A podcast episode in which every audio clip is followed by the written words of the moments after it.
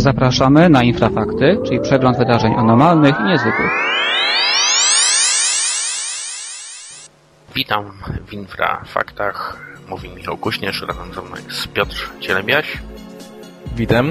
E, dzisiejsze infrafakty będą nieco inne, dlatego że postanowiliśmy zrobić takie swego rodzaju podsumowanie roku wszystkich tych wydarzeń, o których staramy się opowiadać e, Państwu ze świata i z Polski. Ponieważ zbliża się koniec roku, to chcieliśmy właśnie to jakoś e, podsumować w takim trochę dłuższym wydaniu niż zwykle. A zresztą będzie to pierwsza część tego wydania, dlatego że już prawdopodobnie w nowym roku ukaże się druga część, w której postaramy się podsumować całą dekadę. Piotrze, czy tak naprawdę w tym roku możemy powiedzieć o czymś, co wydarzyło się przełomowego, niezwykłego, coś, o czym możemy powiedzieć, że było zupełnie niezwykłe dla nas, dla osób, które starają się badać e, niezwykłe fenomeny, rzeczy paranormalne. Tego, co nam wiadomo, patrząc z perspektywy grudnia roku 2009, Y, rok ten nie był jakiś przełomowy, mm, jeśli idzie o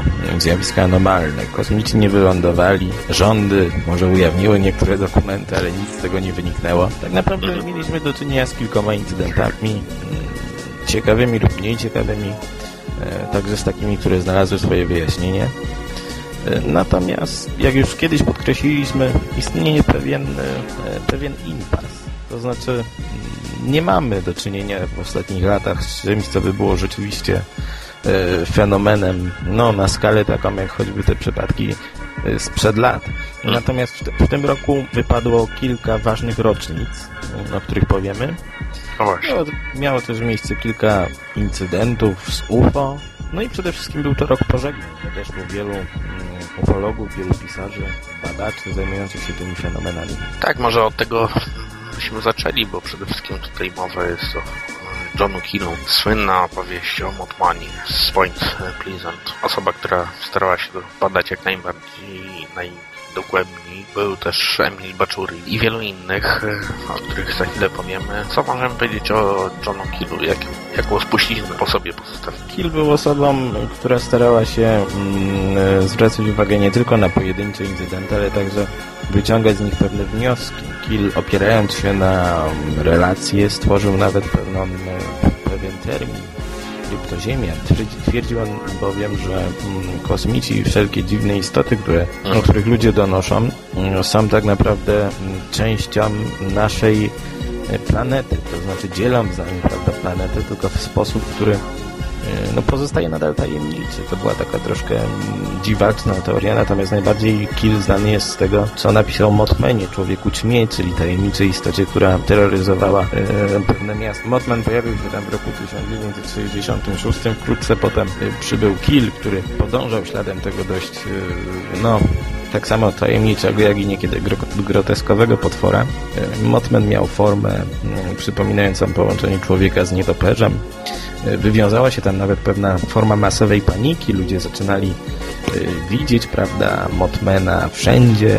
Dochodziło do serii innych tajemniczych zdarzeń i na, tym, na podstawie tego mm, stworzył Y, książkę pod tytułem Proroctwa Motmana. Natomiast z innych osób, o których mówili, mówiliśmy, wyróżniał się na przykład Emil Baczurin, który zajmował się badaniem fenomenu tak zwanej perymskiej strefy anomalnej. Tak, no, w zasadzie on to odkrył dla świata, prawda? Znaczy tą anomalną strefę, tak zwaną moliebkę. Troszkę żeśmy o tym pisali, aczkolwiek myślę, że jeszcze będziemy rozwijać ten temat. To jest strefa w Rosji, która e, wyróżnia się niezwykłymi anomaliami w postaci dziwnych świateł, e, dziwnych postaci, które się pojawiają. Historii jest cała masa. Tak, oprócz tego o wielu innych ufologów, na przykład Mactonis, czy taki brazylijski badacz Mario Luis Bracamonte, którym, prawda, z którym prawda kiedyś utrzymywałem kontakt. No był to rok pożegnań, nie ukrywajmy. Natomiast co trzeba powiedzieć, wraz z tym jak odchodzą nowi, yy, dawni yy, badacze, trudno o nowe nabytki. Mhm. Najczęściej dziś yy, współcześni tak zwani ufologowie skupiają się na, na sensacji. nie są zdolni na przykład do tworzenia jakichś skomplikowanych teorii, jeżeli możemy w ogóle o nich mówić w przypadku ufologii. Y, natomiast no, stara gwardia odchodzi, nowa napływa, ale Mhm. nie wiem jaki będzie z tego skutek dla ufologii, która no, staje się dość dziwną dziedziną na pograniczu mm, no, fantastyki, y, astrobiologii, psychologii społecznej, socjologii. No właśnie Tak to, dalej. chciałem, o to chciałem też Ciebie zapytać, e, właśnie o to całe e, kolejne pokolenie, które przyjdzie, które jest, które kontynuuje pracę tych osób, o których żeśmy mówili, a zresztą tutaj też należy wspomnieć o tym, że przecież my nie tylko zajmujemy się ufologią, chociaż to jest jakby na tym najbardziej się ko- koncentrujemy, ale tutaj też warto wspomnieć o odejściu pana Holcera, który zajmował się e, światem, w zasadzie za światami, znaczy naszymi kontaktami e, z tak zwanymi duchami. To też jest e, smutne odejście, dlatego że e, nie widzimy chyba za bardzo osób kompetentnych, które kontynuowałyby ten, te tematy. Tak, masz rację, ale z drugiej strony sam Hans Holzer mm, był osobą no, o dość kontrowersyjnym podejściu, ponieważ te jego badania tak zwanych kontaktów z duchami skupiały się często na pracy z wykorzystywaniem medium. I tak naprawdę w w niektórych przypadkach no, Holzer nie miał racji, dało się go skutecznie oszukać. Na przykład w, w przypadku Zamityville czy, czy, czy wielu innych. y, Holzer dryfował w stronę, dryfował na pograniczu e, jakiejś próby syntezy zjawiska duchów z, e, z opowieściami, z wyciąganiem prawda, jakiegoś sensu z tysięcy opowieści o duchach oraz e, spirytyzmu i ezoteryki. Dlatego trudno w ogóle mówić o badaniu duchów według mnie i, i dzisiaj skupia się to na tak zwanym duchołapstwie, czyli wyprawach w poszukiwaniu jakichś anomalii, natomiast e, masz rację, że no, trudno o jakiś, o jakiś e, progres, prawda? Natomiast możemy powiedzieć, że dokonano go w, w, w przypadku zjawiska NDE, czyli zjawisk bliskich śmierci, czy też OB. I tam udało się wyjaśnić, że tak naprawdę za mm, tak zwane wizje zaświatów odpowiada nasz mózg. Polecam tutaj wszystkim artykuły, które zamieściliśmy na stronie. Dlatego myślę, Tak, że przyszłość, dlatego myślę, że przyszłość badania duchów leży nie w nawiedzaniu, mm, no nie w, prawda, wyprawach do nawiedzonych domów, a raczej w laboratoriach i, i we współpracy z neurologią. Mhm, dokładnie. Także tak jak powiedział Piotr, polecam nasze artykuły na ten temat. Piotrze, ja może Ciebie teraz zaproszę na muzykę i Państwa również. Także za chwilę powrócimy po przerwie.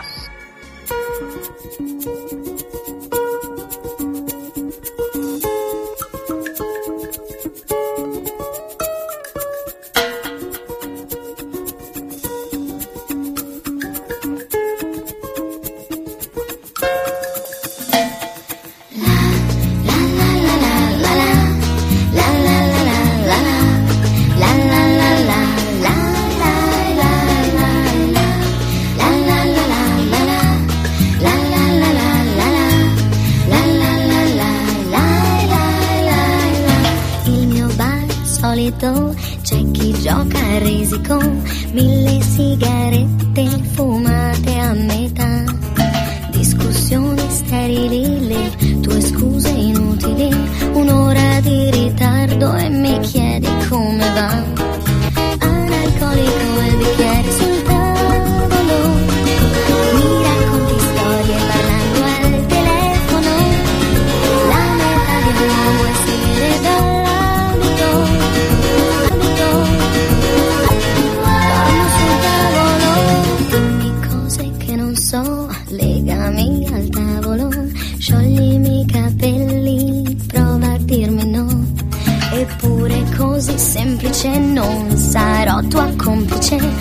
Quel soprammobile che sposti come vuoi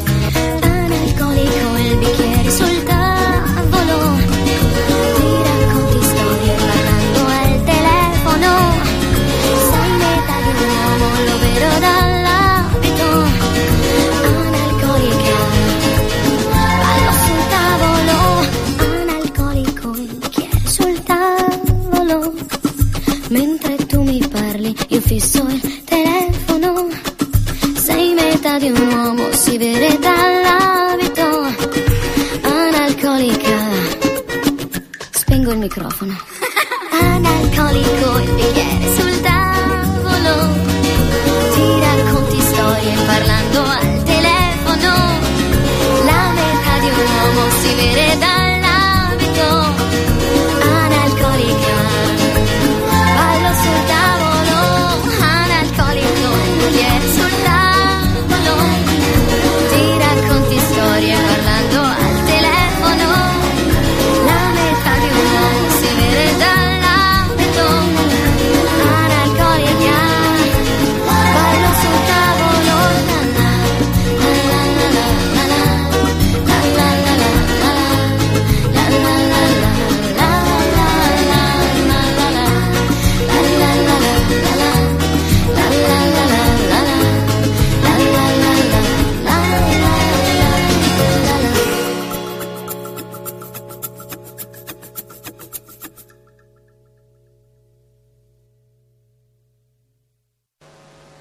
Witam po muzycznej przerwie.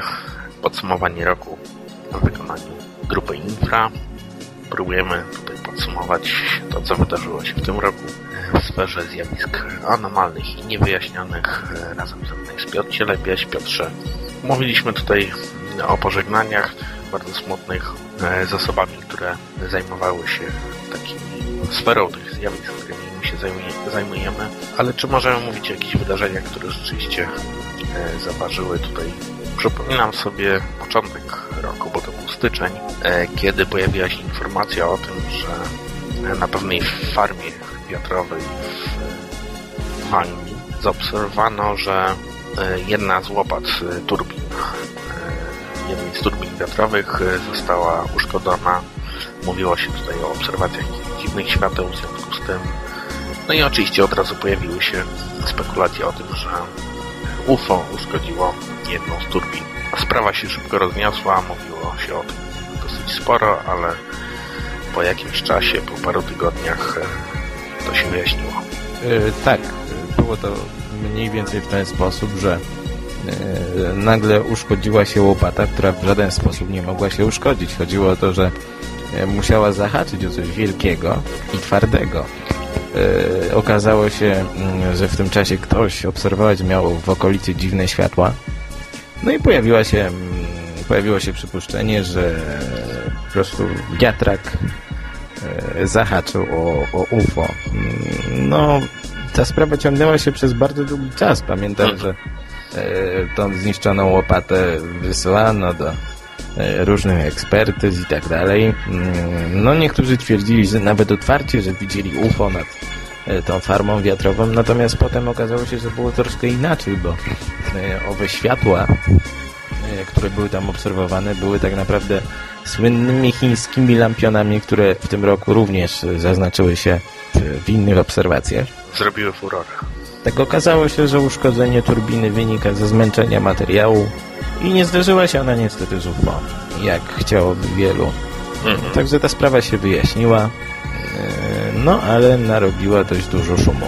Tak, a tu jeszcze pozostając e, przy Wielkiej Brytanii, e, to mieliśmy też głośne oświadczenie brytyjskiego Ministerstwa Obrony o tym, że zamykają jakby sprawę ujawnienia akt e, UFO. Bowiem e, przy Ministerstwie Obrony zostało stworzone specjalne biuro, czy też oddział, który miał się zajmować właśnie aktami UFO i wiele z nich zostało ujawnionych.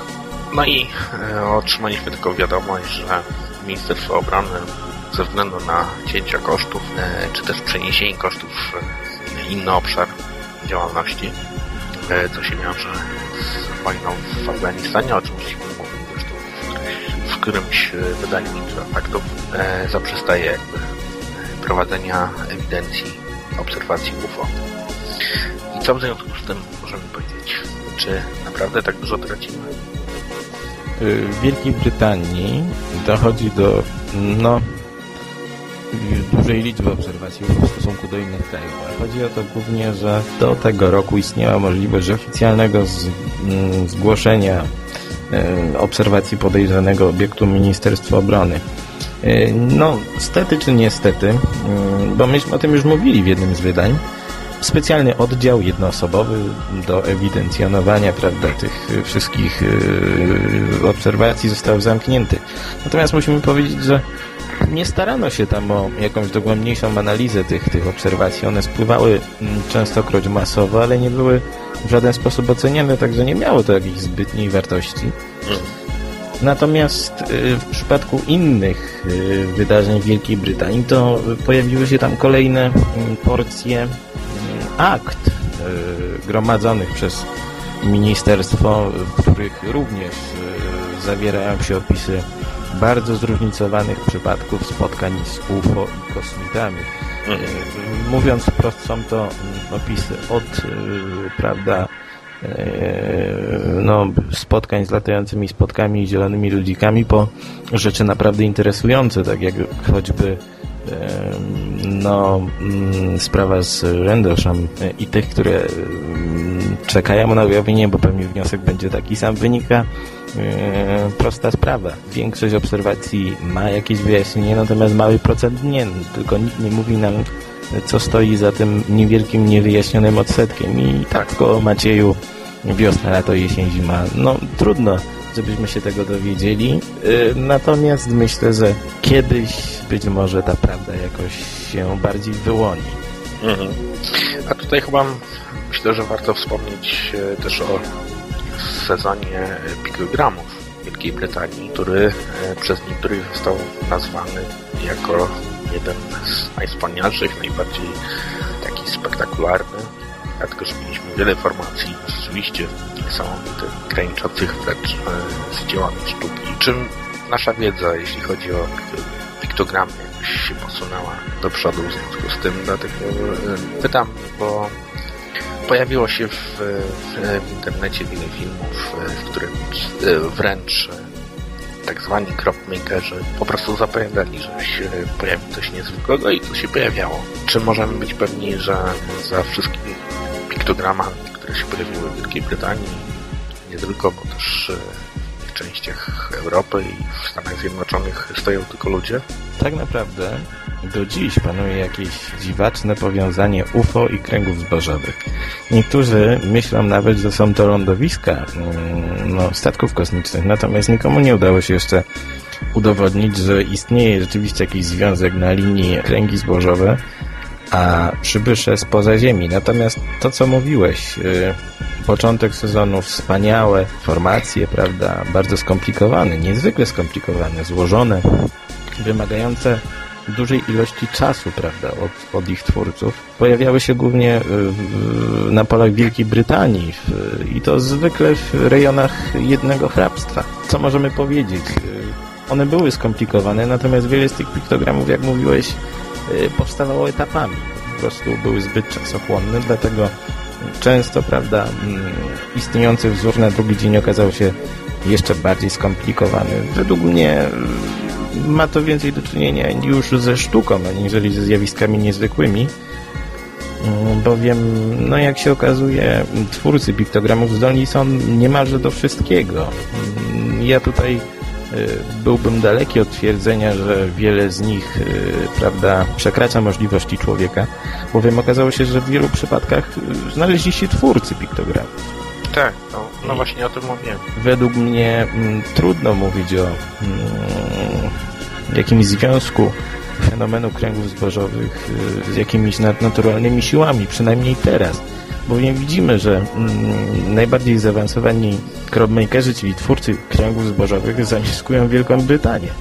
Y, poza nią te formy są częstokroć no, mniej udane. Często, jak widać, są wynikiem młodych i bardzo niedoświadczonych twórców kręgów. Tak, no, szcz szczególnie jeśli byśmy powiedzieli o Polsce, bo też się pojawiło kilka kręgów. I to dosłownie kręgów, bo, bo tak. miało to formę kręgów, nie, nie jakichś skomplikowanych wzorów. No właśnie, no to gdybyśmy mogli powiedzieć o tych polskich e, kręgach, e, do których e, zresztą podejrzewam w większości udało się ustalić, że są udziałem grupy osób, które po prostu chciały jakoś tak, nie było one zbytnio skomplikowane, natomiast ja bym jeszcze tutaj skupił się na jednym aspekcie.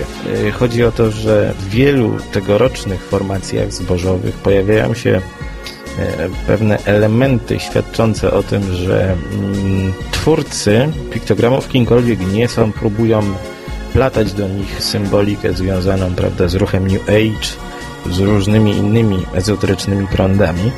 E, dlatego uważam, że dziś trudno już doszukiwać się w tym zjawisku czegokolwiek no, nieziemskiego. Jeszcze takim paradoksem jest, że pomimo no, setek piktogramów, jakie się pojawiły w Wielkiej Brytanii, no może setek nie, ale na pewno ponad setki, nie zostały one w jakiś sposób zbadane przez naukowców ich pojawienie się zostało po prostu zaakceptowane i nic. Są po prostu dziełami sztuki. Nie ma w tym żadnej tajemnicy. Tak, i tutaj chciałem się odnieść do tego, co dzieje się w ufologii, dlatego że na przykład mamy doniesienia, które zresztą dopływają do nas.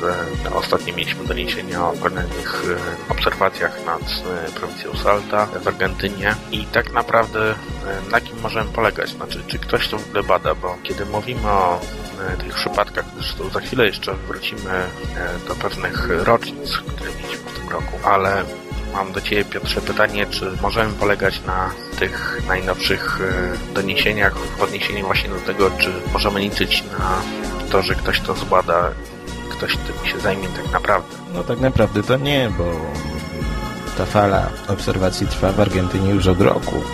E, natomiast mi, y, obok y, no, wielkich słów o setkach przypadków nie napływają niestety żadne mm, szczegóły, a te, które napływają są no, niezbyt spektakularne i nie świadczą o fali UFO, a raczej no, dużej dawce wyobraźni stosowanej w przypadku analizy niektórych obserwacji i fotografii. Ta tendencja mieszkańców Ameryki Łacińskiej do mm, mitologizowania wielu przypadków, a także no, brak chęci do do, do ich dalszego badania, także skłonność do sensacji sprawia, że to właśnie stamtąd pochodzi najwięcej relacji.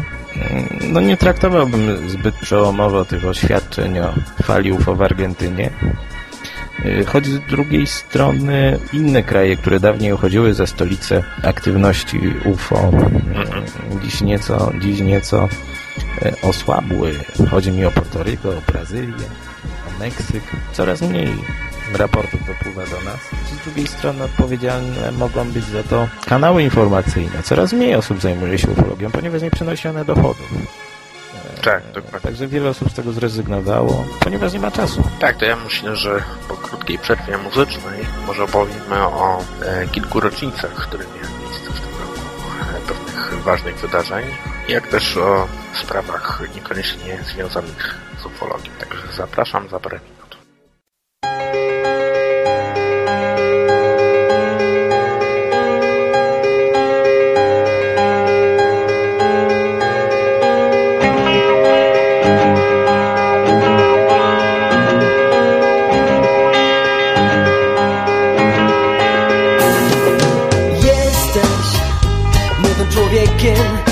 parę minut.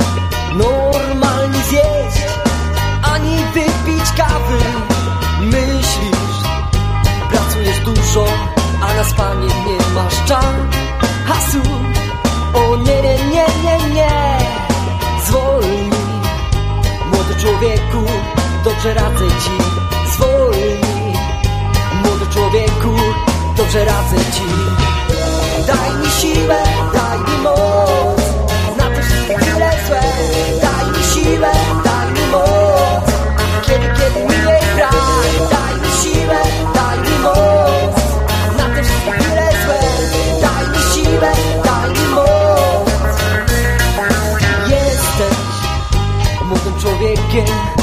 ciągle w świat A ten świat jest jak taki mały dynamit. Nie wiadomo kiedy wybuchnie Nie wiadomo co i jak Bo łatwiej jest coś stracić A trudniej jest coś zdobyć. Bo upadki są bolesne Bo upadki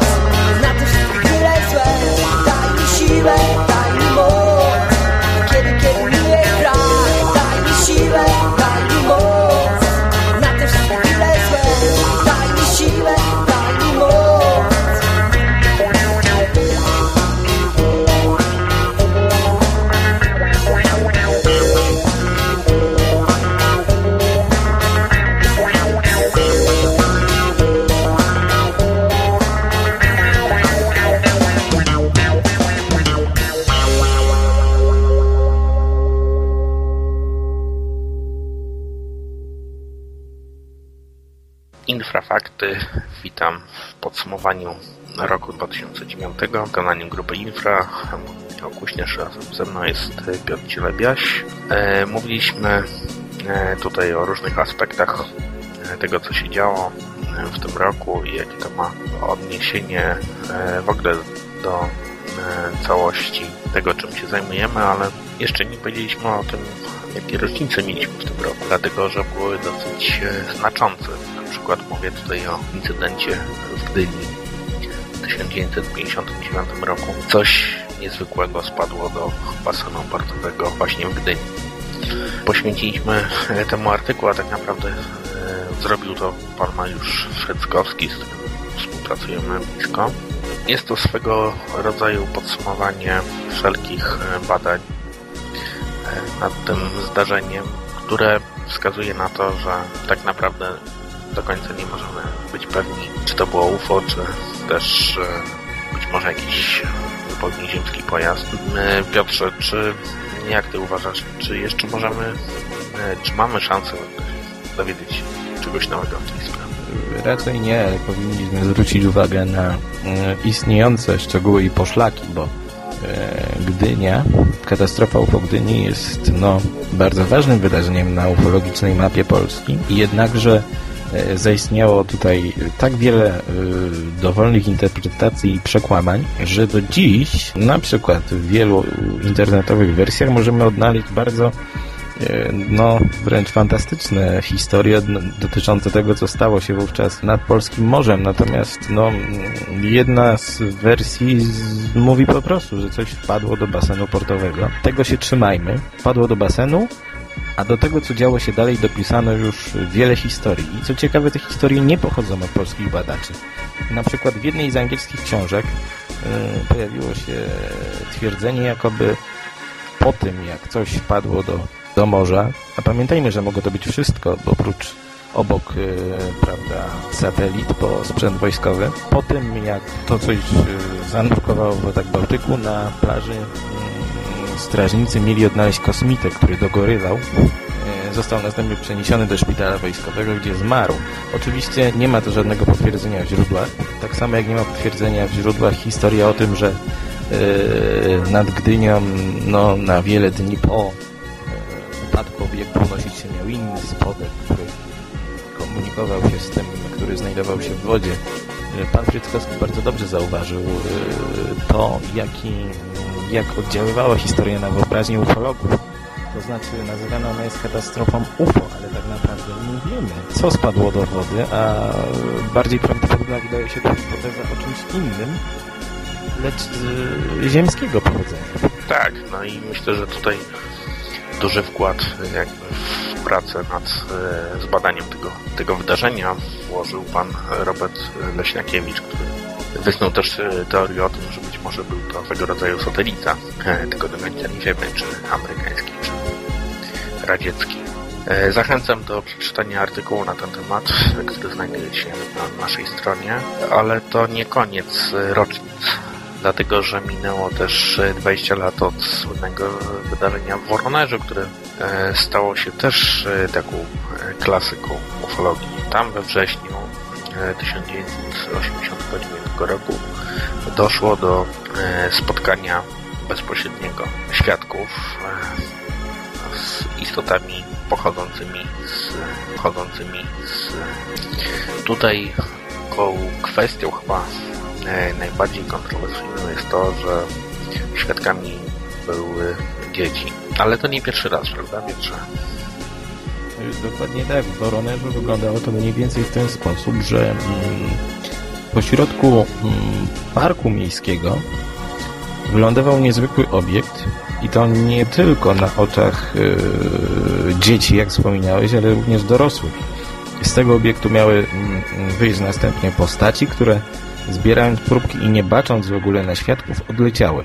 Niestety w przypadku Woronerza istnieje wiele kontrowersji. Otóż ta historia bywa przedstawiana w różny sposób. Trudno ustalić dziś jedną y, wersję. Y, inni twierdzą, że wokół Woronerza już wcześniej miały miejsce dziwne zdarzenia, których kulminacją był właśnie, było właśnie lądowanie w Jużnym Parku. Natomiast pozostaje pytanie, jak odczytać to, co się tam wtedy wydarzyło. No, wobec y, tej mnogości relacji i, i, i tego, że mamy mm, do czynienia z pewnym y, nieporządkiem tutaj na tym polu, uważam natomiast, że rzeczywiście w Woronerzu doszło do czegoś bardzo ciekawego. Jednak nie jesteśmy w stanie dziś powiedzieć, y, jak to wszystko wyglądało. Natomiast to, co się stało w Woronerzu, miało bardzo wielki potencjał, bowiem było czymś w rodzaju masowego masowej obserwacji UFO i jego pasażerów. Natomiast jak już mówiłeś o dzieciach, to były one świadkami innego wydarzenia, którego 15. rocznica przypadła w tym roku, a mianowicie bliskiego spotkania w, w Rua, No gdzie, właśnie, tak. gdzie prawda, uczniowie jednej ze szkół y, obserwowali no, nie tylko pojawienie się obiektu, ale także istotę, która mm, no nie tylko z niego wyszła, ale także próbowała formy komunikacji z tymi dziećmi. No innych rocznic, y, inne rocznice również warto tutaj wymienić, no choćby y, słynnej katas- tak, katastrofy w Landrillo, w Walii, w przypadku Arcezio Bermudeza, który jest bardzo ciekawy, jak i innych. Wydarzeń jeszcze było różnych sporo, o których żeśmy wspominali i o Rytudzie w Sokółce. E, dość niezwykłe zdarzenie, które e, poruszyło całą Polskę, ale tylko na krótko, prawda? Bo w zasadzie to ucichło i teraz się o tym już nie mówi, dlatego że e, prawdopodobnie mieliśmy do czynienia z, ze swego rodzaju mistyfikacją. Dokładnie tak. Cud w Sokółce zyskał nawet rangę symboliczną. Dzisiaj mówiąc mm, o nim mamy na myśli no, mm, wielką sensację, która okazała się być y, która okazała się zakończyć, prawda, kompromitacją, no nie tylko y, środowisk kościelnych, które próbowały ten cud jakoś y, wynieść na, na światło dzienne, ale także naukowców, którzy nie potrafili odróżnić pleśni od no, fragmentów mięśnia sercowego. Dlatego też według mnie mm, cud w Sokółce to mm, no, przede wszystkim kompromitacja kompromitacja no też osób, które starały się zrobić z niego coś więcej i, i nadać mu jakiś większy potencjał niż miał. Bo tak naprawdę ukazało nam ono, że mm, cud e, się nie udał, ale według mnie nadal w kościele, którym, w którym to się wydarzyło, czyli bodajże na Podlasiu, takim, taki, mm, takim bastionie katolicyzmu, nadal jest uważany za cud. Wielokrotnie mówiliśmy o tym, jak trudno jest walczyć e, z cudami, nawet jeżeli są jawnie fałszywe. Dlatego, że mm, wierni zawsze mm, no, będą się opowiadać za nim, ponieważ potrzebują tych cudów. Tak. E, a poza tym to chyba ukazało też e, to, na co liczą polskie media, które bardzo szybko podchwyciły ten temat. Rzeczywiście był głośny przez parę dni, a, a później, kiedy zaczęły pojawiać się racjonalne wytłumaczenia tego zjawiska, związanego właśnie z tym e, domniemanym cudem, e, jakoś nagle to wszystko ucichło. Dokładnie Ale- tak, ale jeszcze mm, zwrócę uwagę na jedną rzecz. Tutaj cud Sokółce uwidocznił, uwidocznił nam ważny problem, bowiem okazuje się, że istnieje zawsze grupa katolickich uczonych, którzy są w stanie przeforsować wszystko. Tak się dzieje w badaniu wielu innych cudów, całunu turyńskiego po, mm, po Ojca Pio, po opętania. Y, Katolicy naukowcy zwykle indoktrynują mm, te zjawiska religijnie, nie zwracając zupełnie uwagi na racjonalne przesłanki. I to samo miało miejsce w Sokółce. Dlatego mm, myślę, że pani, która wydała opinię, jak i cała reszta, jak i lekarze, którzy wydali opinię, że mamy do czynienia z fragmentem mięśnia sercowego, no powinni się zapaść pod ziemię ze wstydu, no bowiem skończyło się to wielką, wielką kompromitacją. Dobrze, że Tak. nie na większą skalę niż, niż yy, mogło. Tak, całe szczęście. Ale mieliśmy jeszcze cud dagestański. Pamiętasz o tym, kiedy na ciele dziecka zaczęły pojawiać się wersety z Koranu. Też żeśmy o tym Tak, pamiętam, ale tam również y, okazało się szybko, że prawdopodobnie są one umieszczane na ciele dziecka przez rodziców. Mm, Według mnie był, był to nawet taki symbol y, prowokacji politycznej.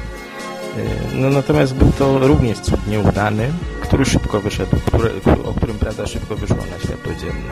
Mhm, dokładnie o tym wszystkim, żeśmy mówili w, e, w naszych wydaniach infrafaktów, w naszych artykułach, które pojawiają się na stronie e, serwisu infra e, www.infra.org.pl Piotrze, cóż, jak możemy tak podsumować ten rok jednym słowem? Jednym słowem? No nie Tak. wiem, ale mam, jeżeli kilkoma słowami, to podsumuję go w ten sposób. Mam nadzieję, że będzie lepiej. To znaczy, ciągle jesteśmy świadkami tego konfliktu, e, odwiecznej walki między tymi, którzy chcą wierzyć w zjawiska paranormalne, a tymi, którzy doszukują się dowodów. I tak naprawdę wiele osób błędnie uważa, że ci, którzy poszukują dowodów i są bardziej, no, krytyczni w stosunku do tych zjawisk, szkodzą. Oni nie szkodzą. Oni po prostu chcą udowodnić y, to, co jest odróżnić to, co jest prawdziwe od, od tego całego e, chłamu, mm, od tej całej sterty e, nieprawdziwych informacji oraz dezinformacji. Dlatego uważam, że no, mm, ten rok nie był jakiś szczególny pod względem badań nad zjawiskami niezwykłymi. No może oprócz tych pożegnań, o których mówiliśmy oraz kilku ciekawych przypadków. Natomiast wpisuje się w annały badań nad, nad UFO, nad, nad innymi zjawiskami i z pewnością następne lata przyniosą nam jakieś pokłosie tego, co się zdarzyło teraz. Zgadzam się z Tobą całej rozciągłości i e, też jakby efektem tego, e, o czym żeś mówił, jest to, że żeśmy postanowili na naszej stronie stworzyć taki e, swego rodzaju no może nie działa, ale po prostu określić swoje zasady postępowania, znaczy jako grupy infra wobec właśnie tego wszystkiego, o czym mówisz, dlatego że tego zamieszania jest bardzo dużo i my staramy się w tym odnaleźć i, i staramy się e, mieć po prostu właśnie określone e, zasady, które e, się kierujemy. Także zachęcam Państwa do odwiedzania naszej strony, do pisania do nas. E, Nasz e-mail to Piotrze Powiedz infra małpa epodsta.pl Tak jest i czekamy na wszystkie zgłoszenia i zapraszam Państwa do drugiej części tej audycji, którą poświęcimy e, całej dekadzie. Dziękuję i do usłyszenia za tydzień. Wysłuchaliście programu Michała Kośnierza i Piotra Cielebiasia, realizacja Grupa Infra